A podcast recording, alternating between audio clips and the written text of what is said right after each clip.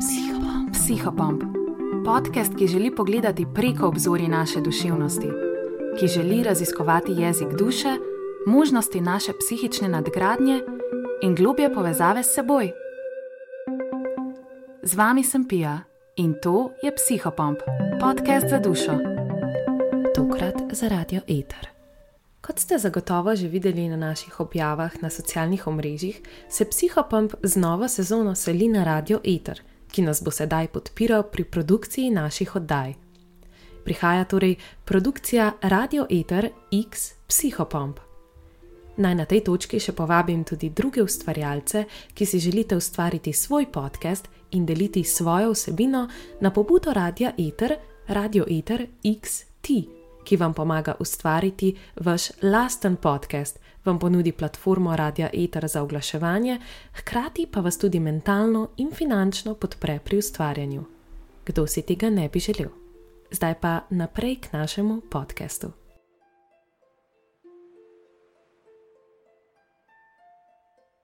Tokrat v naši oddaji gostimo magistrico Urško Ajdišek, psihoterapevtko in jungovsko psihoanalitičarko ter supervizorko pri Mednarodni zvezi za analitično psihologijo IAAP v Zürichu. Opisuje se, da je po poklicnem in dušnem poslanstvu spremljevalka ljudi na delih njihovih poti, kjer iščejo stik s svojim najglobjim bistvom. Sanje in zgodbe so pomembna sestavina njene psihoterapevtske in supervizijske prakse pri individualnem delu z ljudmi, pri predavanjih na fakulteti ali v drugih javnih ustanovah, pri vodenju delavnic v podjetjih, delu v skupinah za ženske in skupinah za učno analizo sanj.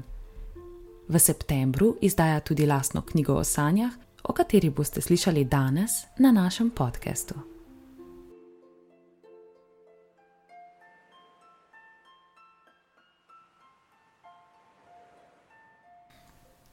Lepo pozdravljeni na Psihopompu, vsi naši poslušalci. Z nami je Urška Ajdišek, Urška, lepa hvala, da ste se odzvali po vabilu, da ste prišli na psihopomp in da boste danes malo podelili svoje znanje o sanjah, ki je vaša zelo ljuba tema in o kateri res veliko veste. Ja, najlepša hvala za povabilo. Ja, sanje so res ena moja strast, že odkar pomnim. Um, zato z veseljem odgovorim na kakšno vprašanje, ki vas zanimajo. Izdal boste tudi knjigo v zvezi s tem, ne? Ja, čist. Um, na ciljni ravnini je v bistvu že ta uh, moja knjiga, uh, Sanje, tiha zgodba naše duše. Um, v njej sem pravzaprav zbrala vse moje dosedanje znanje ali pa v bistvu izkušnje um, s klienti in pač um, knjige, ki so me navdušile od drugih avtorjev, v nekih leitmotivih, če tako rečem, um, ki mi pomagajo pri delu. Vsakdanjem delu in v bistvu življenju tudi ko sem v bistvu zbirala vprašanja za vas, sem šla nekako po poglavjih, uh, ki bodo znotraj vaše knjige. In nekje v prvem delu knjige date poglavje, kaj so sanje. Kaj so sanje? Uh, sanje so uh, najglobja govorica človeške duše. Um, nobeno drugo sredstvo ne ve o nas več, ali pa noben terapeut ne ve o nas več, kot vedo naše sanje. Se pravi, gre za neko globino vsakega človeka, neka resnica, ki je sicer mi živimo samo v delčkih v našem recimo, vsakdanjem življenju, v sanjah pa je ta resnica recimo, zapakirana skozi seveda simbole. Ampak zelo direktno posredovana nam, če jo hočemo slišati problem pa je, da jo večkrat ne slišimo. Ne? Uh -huh. Uh -huh. Kako sta povezana sanjalec in sanski kontekst? Um, vedno sta povezana. Pravi, ko, ko, če mi gledamo sanje kot, um, recimo, kot film, uh, je zelo pomembno, kako je sanjalec umeščen v ta sanski kontekst. Uh, večkrat rečemo, tudi Jung je rekel, da v bistvu uh, sanjalec v kontekstu sanj nastopa kot v neki sceni v gledališču. In tudi sama zgodba v sanjah poteka kot v gledališču. Najprej je neko vod, potem je nek tak, kot bi rekli, zaplet. uh, potem je nek vrh, potem pa razplet, ali pa tega razpleta sploh ni, ker se sanje kar odreže, takrat v tistem primeru. Pa je naloga sanjavca, da potem ta finiš, če tako rečemo, se pravi konec, uh, izvede sam, se pravi, uh, ali pa razplet uh, doživi, uh -huh. preživi sam. Uh -huh. uh, tako da v bistvu ta del sanskega konteksta je zelo pomemben, zato da mi v celoti razumemo sanje. Sanje postavijo recimo sanjavca v zelo različne kontekste in ta kontekst nam pove. Detajle, kaj hoče sanje povedati. Recimo, če je v sanjah toplo, pa bi morala biti zima, se pravi, je sneg, pa je toplo. Tu je, tu je že tako neka diskrepanca med, med v sanskem kontekstu in moramo raziskovati skupaj, seveda, s sanjavcem, kaj njemu pomeni sneg in kaj pomeni ta toplota. Potem, recimo, ne vem, če, je, če so v sanjah sami moški, pa je sanjavka ženska. Zakaj ne, v sanjah nekaj manjka, manjka nekakšna ženska oseba? potem uh, karkoli je recimo tujega v sanjah, se pravi, da, da je okolje sanj Slovenija, ki je naš pač, um, dušni prostor, recimo, če gledamo slovence. Kaj, kaj pomeni ne vem, nek tujec ali pa nek tuj simbol, recimo, um, če bi bil to nek križ, ki prihaja iz našega pač, simbolnega sveta, je nekaj običajnega. Če pa recimo ne vem. Um, ta recimo um, arabski simbol Hamsa, ne, ta um, Fatimska roka. Pa spet je treba raziskovati, kaj ta roka pomeni sanjavcu. To je na prvi, prvi, prvi korak, recimo, ker vedno začnemo, kaj nek simbol pove sanja, o sanjavcu. Se pravi, kako on čuti glede tega. Potem naslednja faza pa je, da mi ta simbol raziskujemo kot, recimo, pač jaz kot terapeut oziroma kot um, spremljevalec tega človeka. In pa tudi sanjavc sam, da gre recimo malo raziskovati, kakšne slovarje simbolov, če kakšno zgodbo o tem pove, malo po Google. Da to, da doživi ta simbol v celoti, ker sanje s tem, ko jih sanjamo, vedno dajo tudi nam naloge. Hmm. In te naloge rabimo slišati, pa potem nekako izvajati, če želimo, seveda, napredovati v svojem življenju. Uh -huh, uh -huh. Pa še to, eh, v bistvu je pomembno pri tem sanskem kontekstu. Ne? Sanje, v bistvu, sanjavca postavljajo v različne, v, v različne kontekste, zato ker je na on, sanjalec, recimo sploh v terapevtskem procesu, na različnih stopnjah. In če je sanjalec recimo na začetku nekega terapevtskega procesa se pogosto zgodi, ali pa tudi svoje poti individuacije, če tako rečemo, se pravi, da se je komi začel s sabo ukvarjati. To pomeni, da včasih recimo, se v sanjah znajdemo tako, da, da, da sanjavc samo opazuje sanje. Se pravi, on ni prisoten, opazuje kot nek film, um, tam se nekaj dogaja, um, on, ne, on samo čuti, pa v bistvu nekaj doživlja te sanje. Se pravi, ni pa aktivno udeležen. To je pogosto, se pravi, nekje na začetku, na, v začetni fazi sanj. Potem pa skozi čas, skozi analizo večjih sanj, skozi, skozi delo na sebi, pa potem se zgodi, da ta človek, ta sanjalec, počasi začne biti aktiven v sanjah, se pravi, začne postaja neka oseba v tem sanjskem filmu, ki ga opazuje. Lahko tudi, kar se pravi, on kaj počne, kam gre, se s kom sreča in tako naprej. Zdaj, tukaj pa že potem mi nekako zaznamo napredek v sanjah in običajno tudi terapevtski proces pomaga na ta način, da se v bistvu ta sanjalec v svojem razvoju pač nekako premika naprej. To je samo en tak primer. Ehm, to je, to je raziskoval ehm, en avtor, ki je zelo znan, eh, Rosler, ki je v bistvu predstavil na zadnjem Dunajskem kongresu svojo študijo prav o tem napredku v, um, s pomočjo mm. sanj. To zelo priporočam, no, koga to zanima, mm, je super članek. Uh, naprej, recimo, naslednji tak vzorec je uh, v bistvu, da je, da je ta sanjavc v sanjah, mi rečemo, sanjski ego ogrožen. Se pravi, da ga nekdo napade, da mora on bežati, da, da se mu nekam, pač, um, se rabi nekam skriti. To je zelo pogosti simbol v sanjah. V tem primeru spet ne, Um, pravi, avtor je nekako raziskoval, da tam okrog 100 ur jungovske analize um, je med najuspešnejšimi terapevtskimi smermi, uh, v bistvu, ki so pač v najbolj tako um, prepoznavne v, v našem evropskem prostoru. Uh, ravno zato, ker se skozi ta proces, ko zdaj opisujem, uh, skozi, s pomočjo sanj vidi napredek, ki ga potem človek udejanja in zaživi, in se pravi, se ne vrača na iste tere, kot mogoče bi se, če to ne bi ponotranil in spremenil, se pravi, s pomočjo sanj. Se pravi, uh, ta, ta drugi uh, vzorec, pravi, o katerem zdaj govorim, je primer sanj, ko, ko je nekdo ogrožen in potem skozi analizo večjih primerov takih sanj najprej ta, ta sanjavec samo beži um, in um, je nekako žrtev, ali pa ga nekdo napada. Potem skozi, s pomočjo pač, uh, terapevtskega procesa, pa počasi ta sanjavec začne se nekako soočati s tem ogrožajočim faktorom. Ali je to neka pošast, ali je to nek človek, ali je to nek kriminalc, ali je to. Ne vem, lahko je to čist nekaj, ne vem, lahko je moj sošolec, ki mi ni bil ljub ali pa lahko da mi je bil ljub, pa me zdaj napada, pa spet ima to nek poseben pomen. Ne? Mm. Se pravi, različne stvari, eh, mislim, različne bitja in osebe nas napadajo.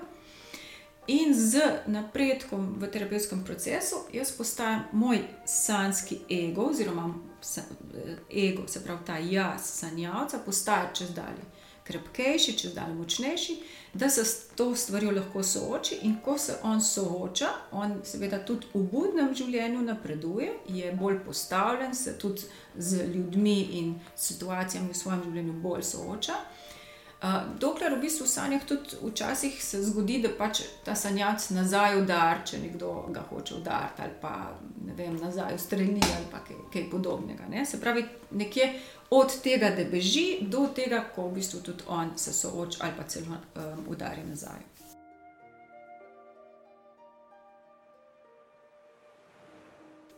Potem tretji vzorec je, recimo, ko um, bi ego v sanjah moral nekaj, ne, nekaj narediti, pa, pa ne more.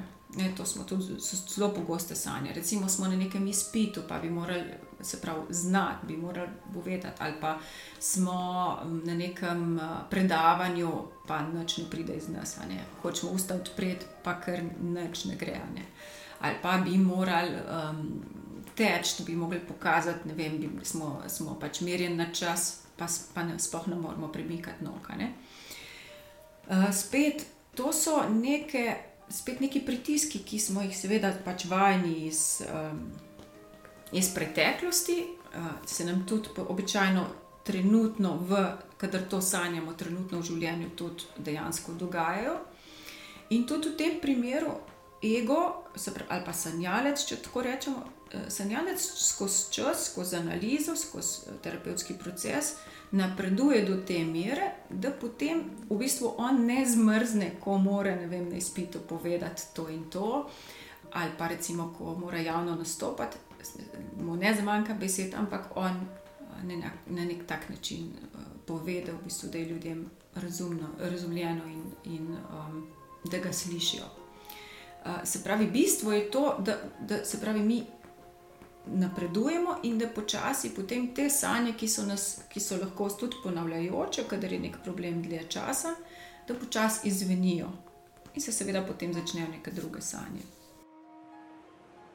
Potem četrti vzorec je, ko sanjavc uh, se hoče premikati. Podobno sem že prej, pač, kaj je bilo recimo tekmovanje, primer uh, opisala. V teh sanjah premikanja je pa recimo, ne vem, tudi. Uh, jaz, jaz si želim leteti, pa ne morem. Si želim um, vem, se premikati z avto, pa avto ne grem kamer. Uh, ali pa ne vem, sem na kolesu, pa, pa sem pač spet ne, obtičala, ne gre, ne gre nikamor naprej. Ali pa drug, recimo, tak primer je, da, da je človek izgubljen, ne, se pravi, da, uh mhm. -huh. da nekako um, se znajde na nekem mestu, kjer ne ve, ki je zdaj je, ali pa kako najti pot. Ali pa recimo tudi tak primer, je, da, da je človek zaprt, zaklenjen nekje, da ne more ven. Ja, no, pač, ali pa recimo, da se znajde na napačnem vlaku, na napačnem avtobusu. Vse to je ta tip sanj, kjer si sanjalec želi premikanja, pa ne ga v bistvu nekaj zaustavlja. Take sanje sicer nekako nakazujejo na to, da v bistvu ni naš namen, da se v tem trenutku premikamo, ampak moramo ostati tam, ker smo, ker imamo tam še nekaj za narediti. Ne? Uh mhm. -huh. Šele potem bo čas uh, iti naprej. Zato uh, uh, se pravi, ko v analizi, ko se lotevamo takšnih sanj, delamo na tem, in potem spet, ko gre nekako terapevtski proces naprej, uh, nekje proti napredku, že pač v nekih zadnjih fazah uh, ta sanjavec že lahko se premika, se že vozi z avtom, ne, pa ima potem kakšne druge izzive, ne, ker je ta del predelov. Peti tak vzorec, ki, ki sta ga avtorja nanizala, eh, ki je tudi zelo zanimiv, pa zelo pogost, je pa to, da sanjalec si želi nekih uspešnih uh, socialnih interakcij z drugimi, v neki družbi, si želi ne vem, nekaj povedati, si želi impresionirati mogoče svoje sogovornike, ne pa se to ne zgodi in je ono sramočen, pa ne vem, recimo, um, se pač zrdi ali pa ne vem, je, je preveč zadržan, mu je neroden, ga je srama. Ne? Spet to je neka taka tipična situacija iz življenja, kjer, ki se nam vsem dogaja, sploh mlajši, kot smo, starejši, seveda je tega manj. Ampak spet je napredek v tej smeri. Pa recimo, tak primer je tudi, vem, da nas um, ljudje zbadajo, zafrkavajo, ali pa bowling je zdaj zelo ne, um, tak primer. Uh, v takih primerih spet, ne, s časoma se, se pravi, spet v tem terapevtskem procesu, kjer človek dela na sebi, kjer, kjer se post, poskuša postaviti kot, kot oseba, kot, kot človek, kot v bistvu nek, iskati neko svoje bistvo, neko svoje poslanstvo. Ja, sčasoma je on toliko postavljen, da uh, mu pravzaprav ta izziv nekega govora v družbenih okoliščinah, se pravi v, v družbi, ne predstavlja več težave. In lahko sproščeno govori, je v bistvu sprejet, ga ljudje slišijo in, in se pravi, je on tudi pomirjen. Ali pa, kot sem prej omenila, ne take sanje, nekako izvenijo.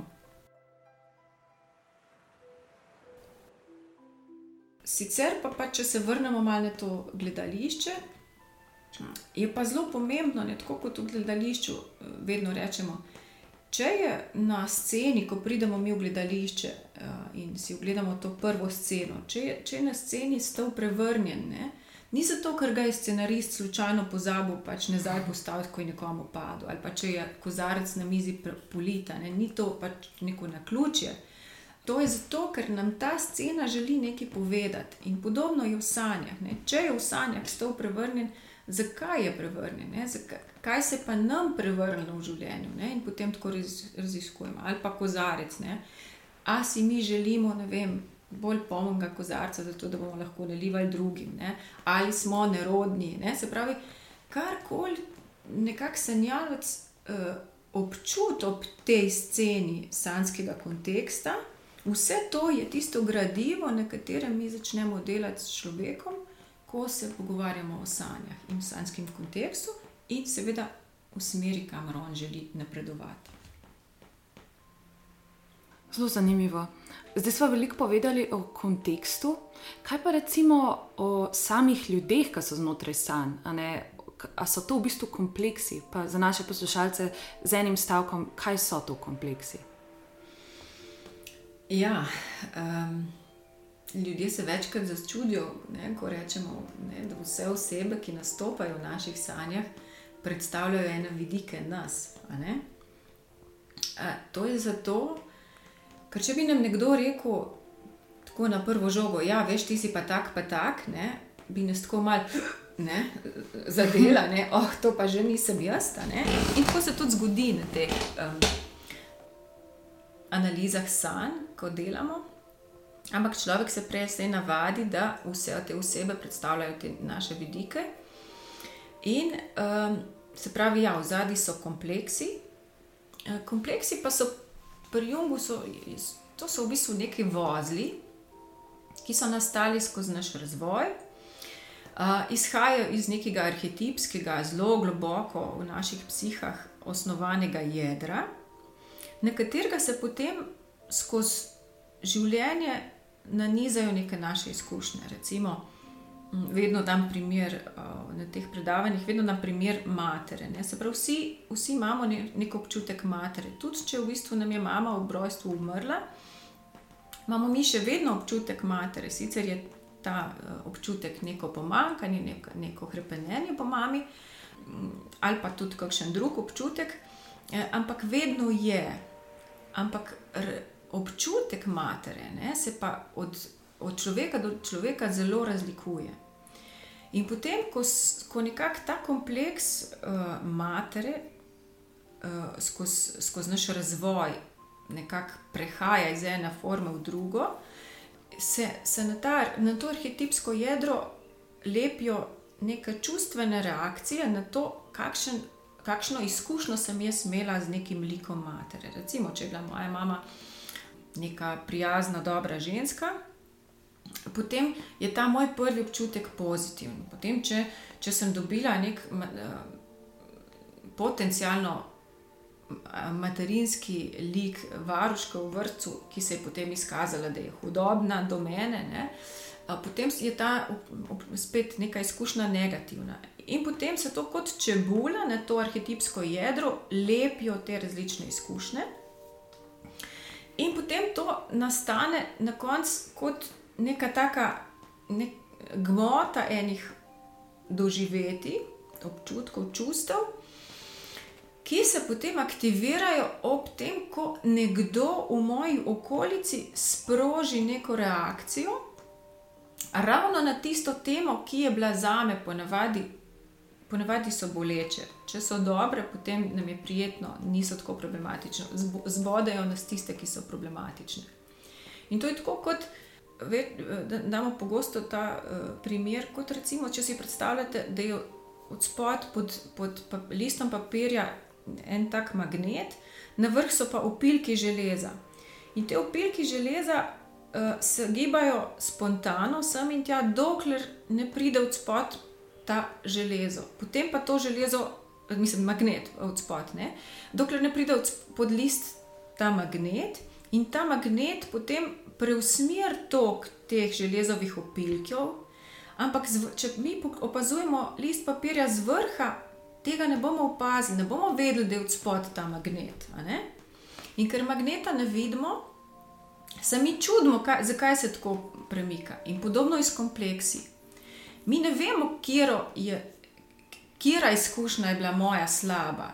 Jaz samo pridem v prostor in nekaj opazim, in me to ne vem, me to spravi v jog ali pa me spravi v bes. Pa, in ljudje okrog mene se čudijo, kaj pa te ni jasno, kaj, mislim, kaj pa je to narobe. Ampak v meni je to, ta kompleks, ne, se je aktiviral in je sprožil to reakcijo, na katero potem jaz nimam vpliva. Jaz, ne, če se jaz potem spomnim nazaj, kako sem jaz odreagiral, si mislim, oh, moj bog, ne, mislim, kaj me je pa obsedel, ne, kaj mi je pa bilo, da sem tako odreagirala. Ampak moja naloga je, da delam na tem. Moja naloga je, da v bistvu počasi luščim te sloje uh mhm. -huh. kompleksa, ker dokler so te sloje kompleksa v nezavednem, je tam moja vsa življenjska energija, več je teh kompleksov v nezavednem manj imam jaz svoje življenjske energije za, za življen, vsakdanje življenje v mojem budnem življenju, v mojem budnem stanju, v mojem vsakdanjem življenju. Se pravi, naloga moja je, da komplekse luščim, zaprav luščim njihovo energijo in jo vračam nazaj svojim budnem jazu, da bo ta močen, da bo deloval, da ne bo vse čas utrujen, zgorel in tako naprej. In zdaj, če se vrnemo nazaj na sanje, Ne? Se pravi, naloga sanj pa je, da nam s pomočjo oseb, ki v sanjah nastopajo, počasi slika, kaj je tista, tisti sloj te čebule, tega kompleksa, ki jo jaz moram zdaj v tej fazi. Se pravi, sned, sleč, zato da bom jaz dobila malo več energije v svojem budnem življenju. Naprimer, če sem jaz v službi zgorela, to pomeni, da, da na nek način sem jaz uh, zelo, um, se pravi, v nekem deloholičnem stanju, se pravi, delam preveč, ne znam postavljati mej. In uh, recimo sanjam po noči, da me lovi um, brezdomec ali pa lenuh. Recimo. In kaj se zgodi? Ta brezdomec mene, seveda, um, želi nekako napasti, me želi ali ne vem, ubiti ali, ali, ali, ali se nekako prevladati. In če se vrnemo nazaj na, na, na to primerjavo, ki smo prej delali, se pravi, če sem jaz, če je za me ta, ta lenuh nekaj negativnega, ne? se pravi, imam jaz neke negativne izkušnje s tem, s tem lenuhom, potem moram jaz to raziskovati. In zelo verjetno bom našla na nek način, se pravi, ta človek, ki v mojem, ne vem, recimo v službi imam nekega sodelavca, ki mu jaz pripisujem da je lenuha, ne? da ne dela dosti, da se izmika delu ali karkoli. In jaz v bistvu njemu pripisujem vse te negativne lastnosti, ki jih jaz ne smem živeti, ker jaz sem bila recimo vzgojena, da je treba delati, da če si pač, če si pridem, če veliko delaš, potem si spoštovan v družbi. Ampak življenje nikoli ni tako črno-belo, oziroma ne, da smo lahko samo neki, vedno vedno je cilj ravnotežje in ravnovesje. Se pravi, če pa jaz, te, če jaz samo enostransko, samo eno plat sebe živim, potem me druga lovi. In to je primer v teh sanjah. Se pravi, če jaz tega lenuha v sebi ne priznavam, ga bom sanjala, takrat bo on mene lovil.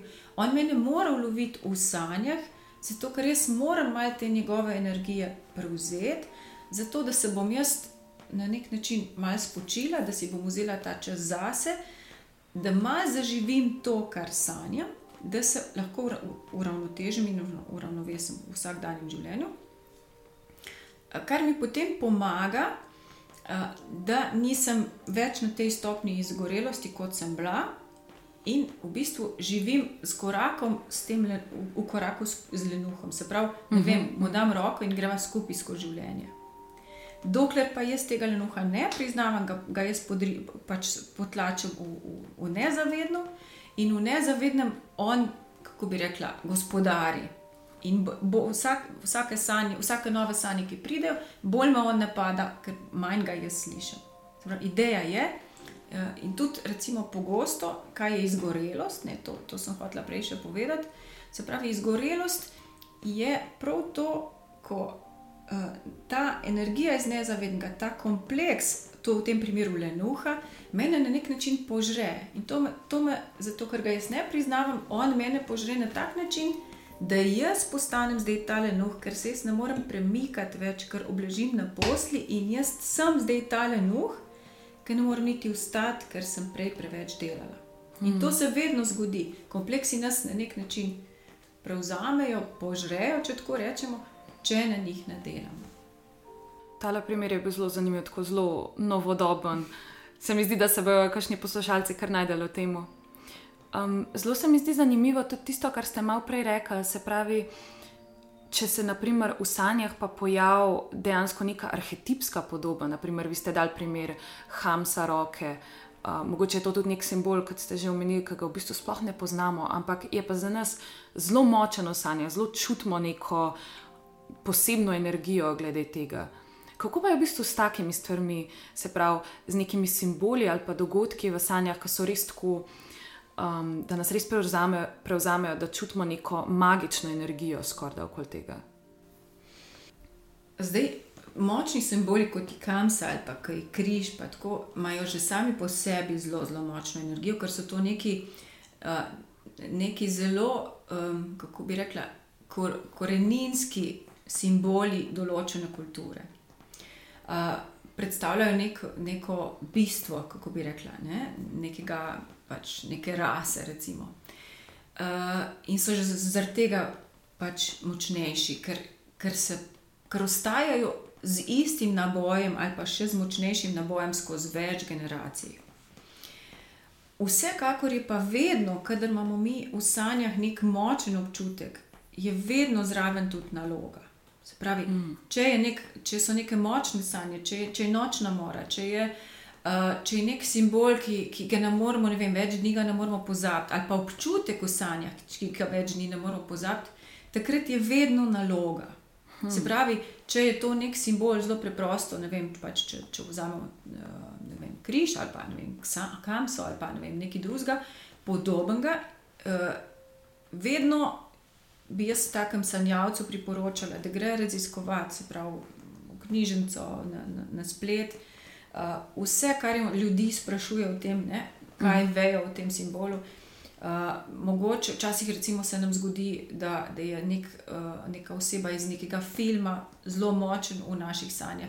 Takrat treba pogledati tisti film, si prebrati mogoče, vem, scenarij, kar, vse, kar lahko izvemo o tem simbolu.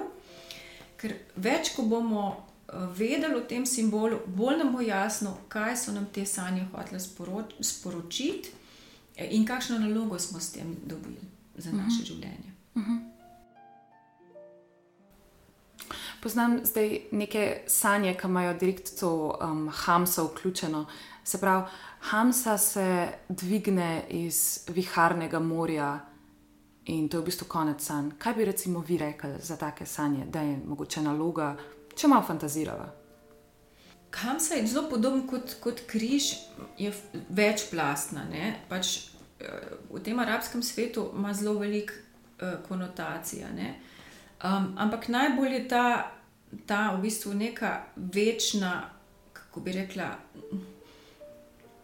večna. Ali pa globinska varnost, globinsko, nek, neko oko, ki te vse čas spremlja, ne, to oko je, je, je bistveno.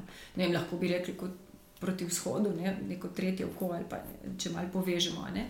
Se pravi, neka globoka varnost, ne, se pravi nekaj, kar bedi nad tabo, jaz bi šla v to smer. Ampak to je moja, uh mhm. -huh. moja, pa pač v bistvu to, kar sem jaz spoznavala, ko sem jaz potovala po recimo arabskem svetu.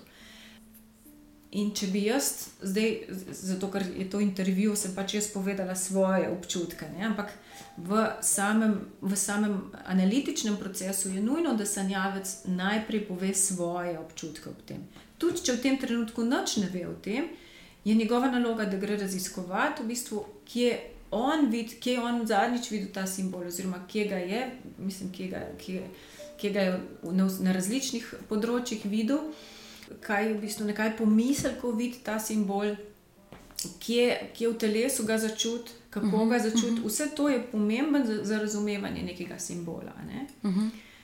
um, pač tudi take sanje je treba spet pogledati kot, kot celoto, je spet pogledati, treba pogledati se pravi morje. Ne? Morje uh -huh. je mhm. spet um, simbol nek, nekega globjega, um, kolektivnega nezavedenega, uh, se pravi, ne vem, kot mogoče neka varna roka nad nekim kolektivnem, um, uh -huh. dušnem svetu, ne vem, uh mhm. -huh. trenutnega sanjavca, bi jaz rekla. Uh, um, potem spet ne bo predstavljala sebstva, običajno, ne? spet simbol sebstva, pomeni se pravi tega Boga v nas, tega centra v nas. To so neke tako zelo arhetipske sanje, ker v bistvu vsi simboli, ki v njih nastopajo, so zelo taki globinski, ki jih imajo vsi narodi sveta. Mm -hmm. Se mhm. pravi, temu rečemo arhetipsko, nekaj globinskega, ki je skupno mm -hmm. večjim narodom, večjim celinam mogoče v bistvu bi lahko pa recimo taktizirali ne, ali pa zafantazirali, da bi take sanje lahko predstavljale kot nalogo za sanjavca, da v bistvu najde neko zaupanje, recimo v nekega, a ne zdaj, če je Hamsa, kot nek um, religijski simbol, v bistvu kot v neko svoje. Sebstvo, ne v Boga znotraj nas, se pravi, zaupanje v ta del, tudi ko uh, svet okrog nas, naše nezavedno, rata pač zelo razburkano in zgleda, da nikoli ne bo posijalo sonce. Naprimer.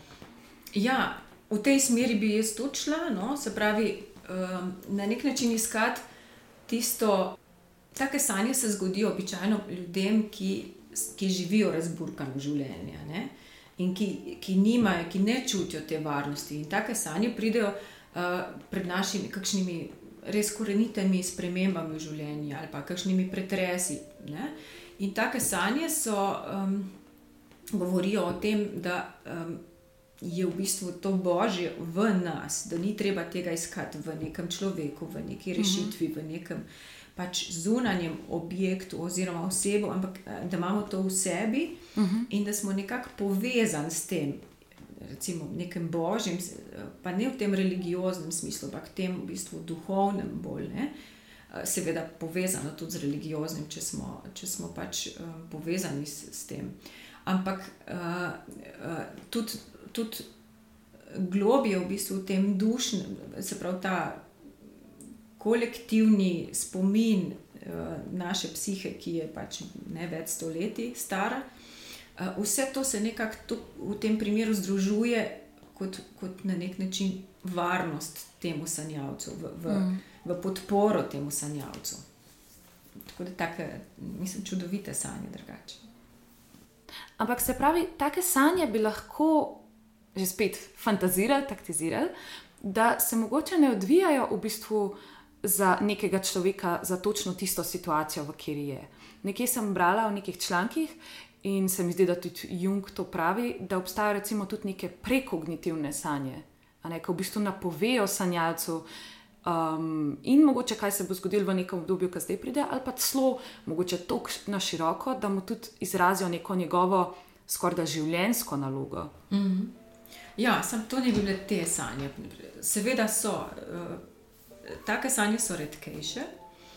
Uh, ampak ja, sploh, sploh ljudje, ki veliko delajo s sanjami, imajo od časa do časa kakšne sanje, ki so res nekako uh, napovedujejo neko tudi človeško, arhetipsko preobrazbo, spremembo v družbi, mogoče. Ampak takrat, uh, takrat običajno ta sanjavec čuti neko distanco do teh sanj in, in v bistvu za, ti začutiš razliko med temi, mi rečemo, uh, sanjami iz individualnega, nezavednega in tiste sanje, ki so res iz nekega kolektivnega bazena, ki so širše, ki so namenjene celemu človeštvu. Ja, Jung je imel take, recimo, sanje, ko, ko je sanjal pač napoved Prve svetovne vojne. Ampak pogosto je pa tako, da imamo mi tudi arhetipske teme v svojih življenjih. Recimo, spomnim se ene, uh, enih sanj uh, ene kolegice, ki je sanjala, da, v bistvu, da se je uh, hiša, v kateri je živela, zrušila pod njenimi nogami um, in sta ostala pač s uh, sinom sama uh, na teh ruševinah. In je to napovedovalo, se pravi, nek hujši pretres, se, pre, se pravi, v njenem življenju. Ampak ravno to, da sta ona dva ostala na teh ruševinah, postavljena, je nekako hkrati tudi napovedovalo, da ona dva bosta pa v redu. In to so neke take preroške sanje, ki nas seveda presulnejo, zbudimo se uh, običajno vem, premočeni, pre, pre, pretreseni, bledi in tako, kot da smo res doživeli že to, da se nam je že to zgodilo, ker pač v sanjah se nam enkrat to že zgodi. Ampak hkrati je pa ta konotacija, ne, ampak ne, s sanjavko in recimo njenim sinom bo pa vse v redu. Hmm. Ne, tako da arhetipski, arhetipski motivi so tudi lahko iz, za individualno dušo, uh mhm. -huh. samo pač eh, moramo pogledati ta kontekst. Uh -huh. Uh -huh. Takrat, kot sem prej rekla, ne, gre za neko razliko med njimi, skratka, gre za nek širši bazen, se pravi za, neko, ne vem, za nek narod, sanje o narodu ali pa sanje individualnega človeka. Bi rekla, da gre pri sanjah o narodu za neko distanco nekoliko začuti sanjavc neko distanco, on ve, da to ni, mm. da se ne gre prav za njega, ampak čuti strah za svoj narod, seveda. Mm -hmm. Kakšne vrste sanj bi pa še rekli, da obstajajo? Ja, sanj imamo več, več vrst. Ne? Prve sanje so recimo terapevtske sanje. To so uh, terapevtske sanje, so take sanje, ki, kjer, kot sem prej rekla, dobimo mi neko nalogo. Um, te so najbolj pogostejše, mislim, najpogostejše uh, in govorijo o tem, uh, kar se nam nekako trenutno dogaja. A lahko se zgodi tako, da, so, recimo, da se končajo kar nek nasred, ki mi reče, kdaj je kdo. in te sanje predstavljajo nalogo v tem smislu, kot sem prej rekel, da jih je treba končati. Potem druga, drug, druga vrsta terapevtskih sanj so nočne more, ki spet, ki te tako pretresajo in tudi, kadar se ponavljajo, je vedno naloga. Se pravi, razumeti je treba bistvo teh nočnih mor, zato da se prenehajo. Ker dokler pač mi nismo delali na svojih sanjah, se bodo potem te uh, grozljive nočne more vse čas vračale, uh, dokler to se pravi, uh, ni razrešeno. A vam lahko tukaj dam en primer? Naprimer, nekdo, ki stalno sanja, da ima neke in spalne paralize, oziroma da ga neki dal. Da, ja, skratka, nekdo, ki recimo sanja praktično vsako noč, noč ne more, nikoli nima lepih sanj. Ampak to je nek kontekst, recimo, prav teh spalnih paraliz in tako občutek, da je skozi nek, nekdo zraven, da ga stiska in tako. Več primerov je uh, takih sanj, ki se jih je treba lotiti pač z zgodbo sanjavca. Mm. Recimo, paraliza običajno predstavlja, po mojih izkušnjah, najpogosteje uh, neko potrebo, da se človek ustavi, da, se, da, da v bistvu se, se v tistem trenutku mm. ustavi in razmisli, kaj mora v tem trenutku, se pravi, kako bi rekla v tej življenjski situaciji, s tem možem, s to ženo, s to službo, s tem študijem, če je, s, prav, s to hišo, kjer zdaj živi, tukaj nekaj narediti. Se pravi, ne sme on naprej, mogoče bi ta človek šel naprej in bi, in bi vem.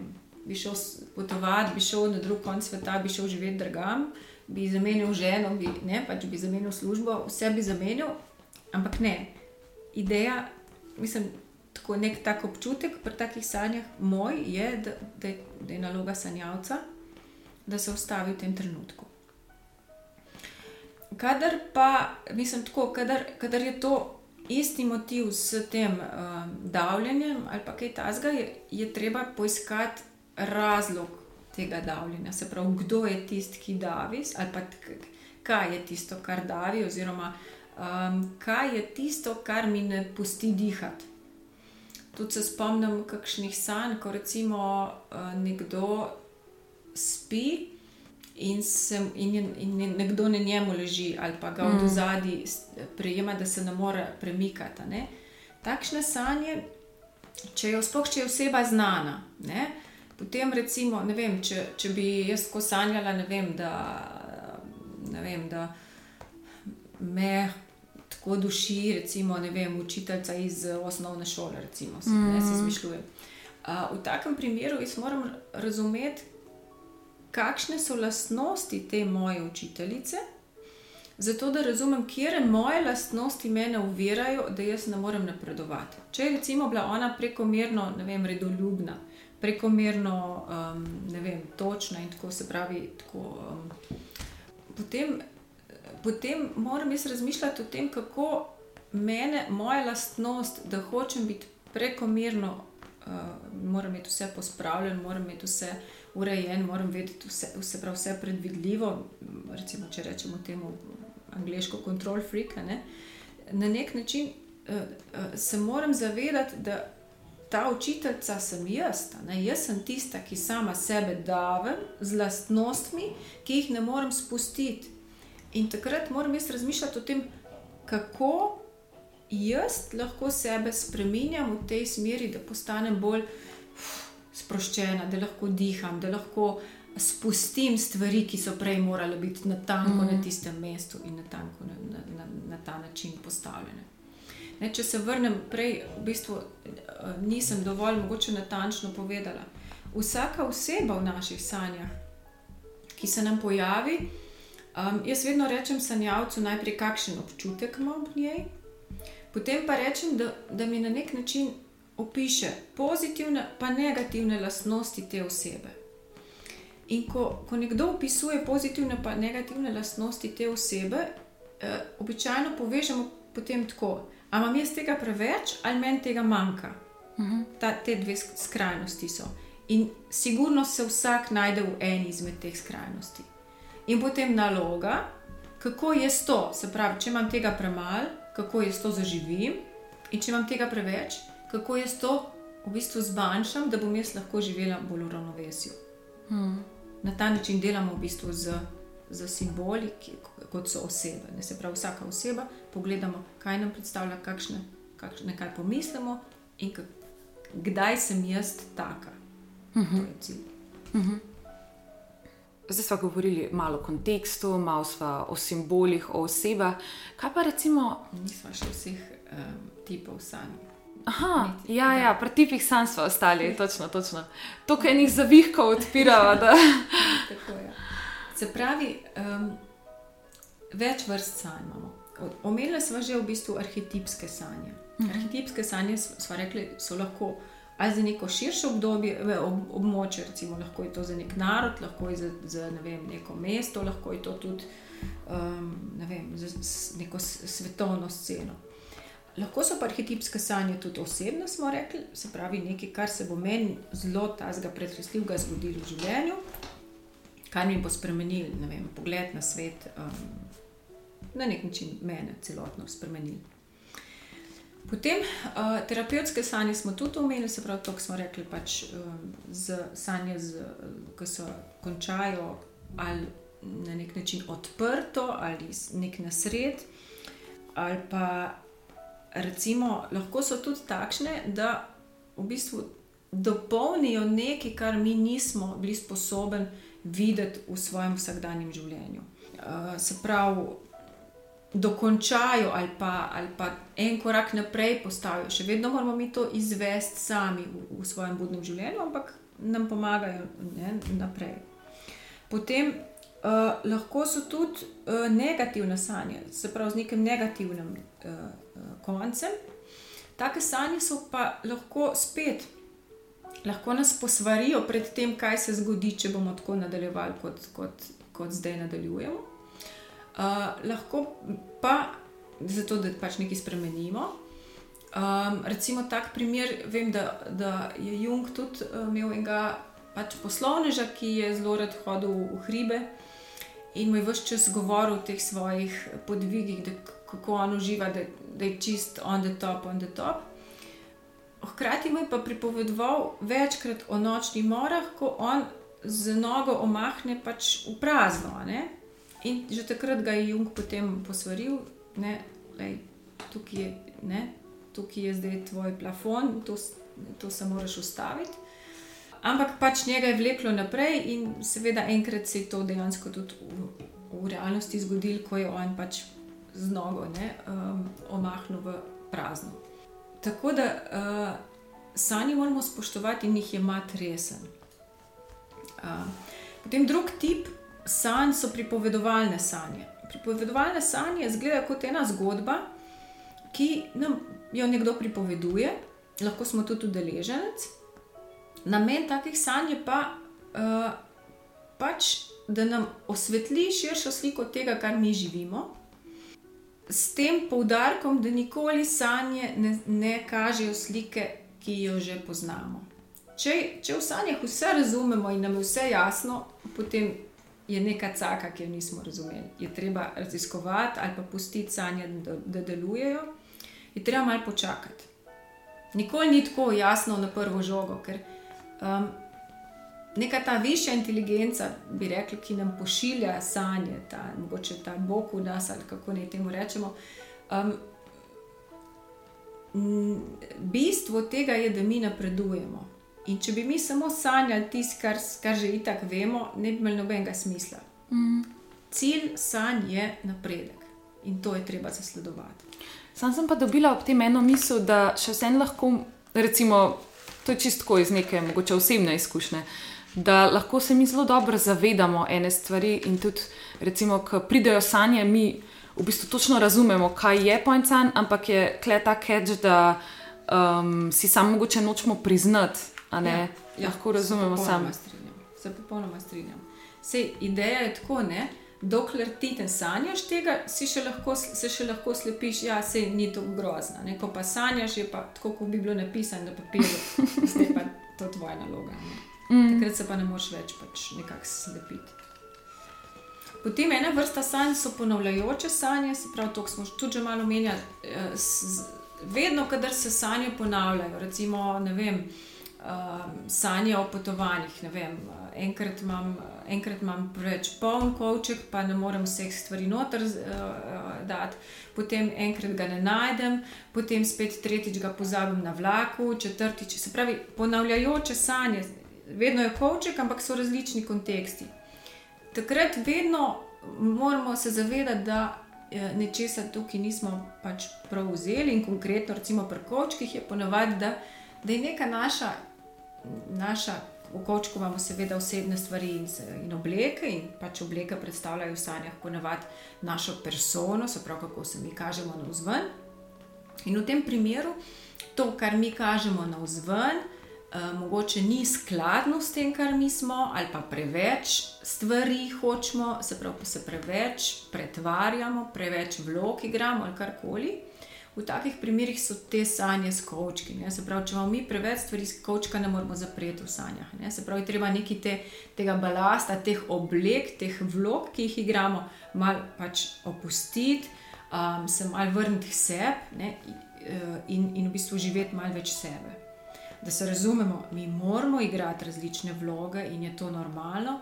Uh, se pravi, ne vem, ko, ko grem na kavo s prijateljem, se jaz pogovarjam drugače, kot se pogovarjam z mamo ali pa s sodnikom na sodišču. Ampak, ko prijem domov, se moram jaz zavedati, kdo sem in slečem vse te preobleke in, in vem, kdo sem. To je razlika. In kadar res to mešam, recimo, vem, če sem jaz v vlogi terapevtke v vsakdanjem življenju, pa potem pridem domov, pa tam eh, ne vem, igram še nekega terapeuta, ne vem, eh, možu, pa, pa otrokom, pa ne vem kaj.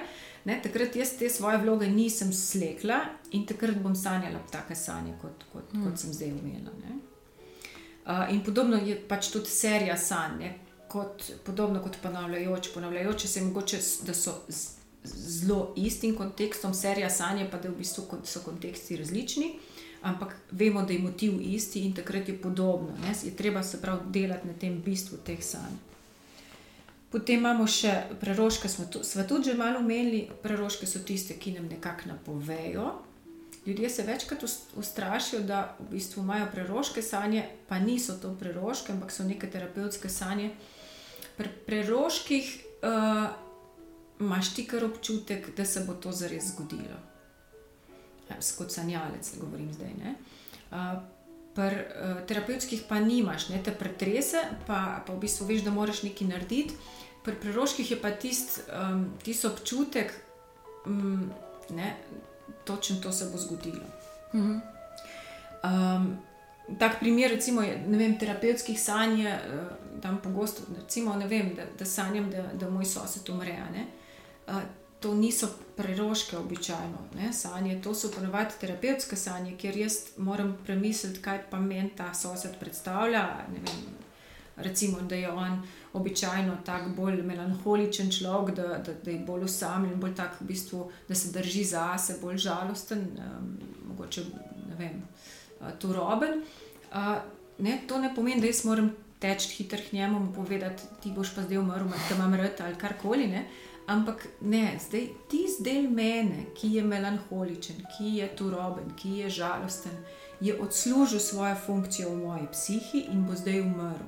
Mm. Se pravi, it's about me. Mm -hmm. rečemo, vedno sanje so o meni. Mm. In se pravi, takrat je treba raziskovati ne, v tej smeri.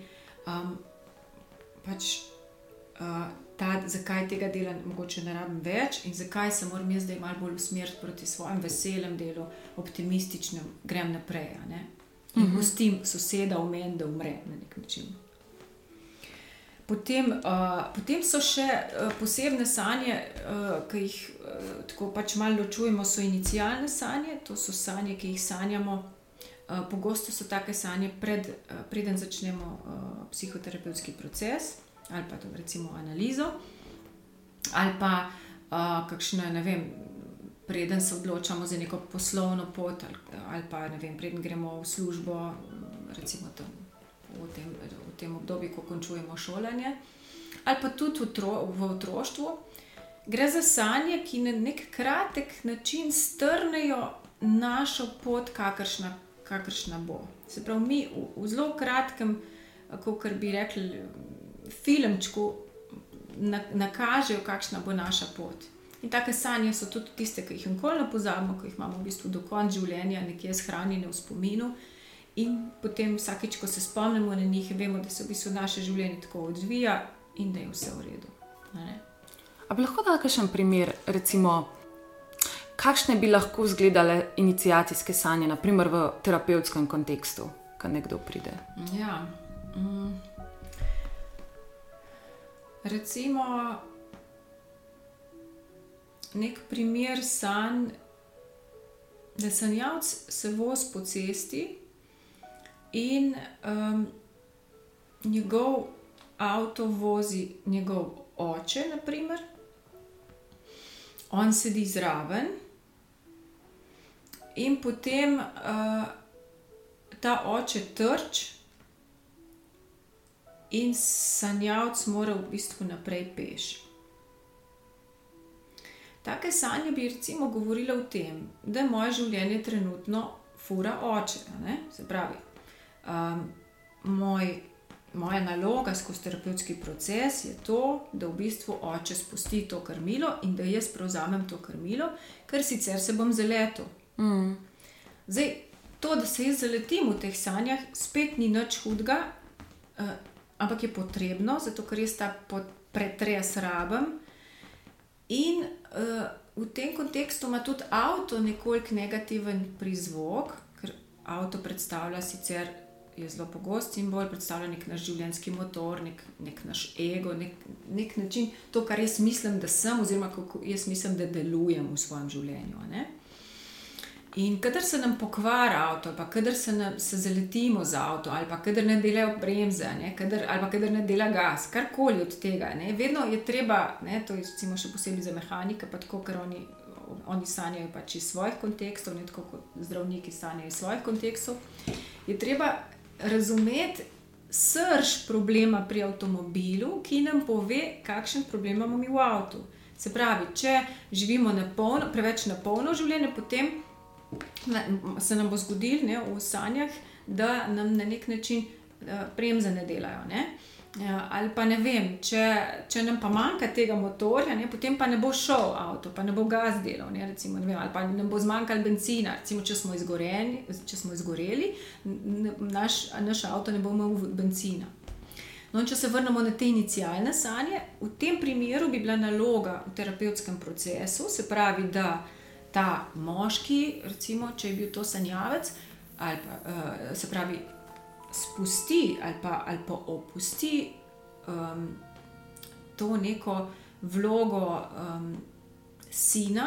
Mm. Ne, da vse čas v bistvu nekoga sprašuje po mnenju, oziroma vse čas deluje tako, kot bi mu oče rekel, da mora. Mm. To ne, ne nujno pomeni, recimo, lahko, da je ta oče že umrl, mm. da sploh ni več živ. To pomeni, da v bistvu jaz še vedno živim tako, kot bi moj oče želel, da bi jaz živela. Se pravi, če mi on reče, ne vem, ja, moraš zbirati po predpisih in se pravi, jaz vse čas, ker, ja, ker to se pa mora po predpisih. Se pravi, jaz živim ta očetovski kompleks, jaz živim tega očeta v svojem življenju, to pomeni, da moj avto fura oče. In če se jaz zaletim, potem je tega konc in jaz se pravi, se neham zanašati na očetov motor, očetov, ali pa če je očetov avto, je podoben primer jaz začnem svojo pot sama in to, ali pa ta sanjavc sam, mm -hmm. peš. Mm -hmm. Peš je pa vedno v sanjah boljš kot z avtom, zato ker peš priješ na konce, ki jih pač z avtom ne dosežeš in ker je individualna izkušnja, osebna izkušnja, ker nekaj doživiš, kar še nihče drug na tem svetu ni.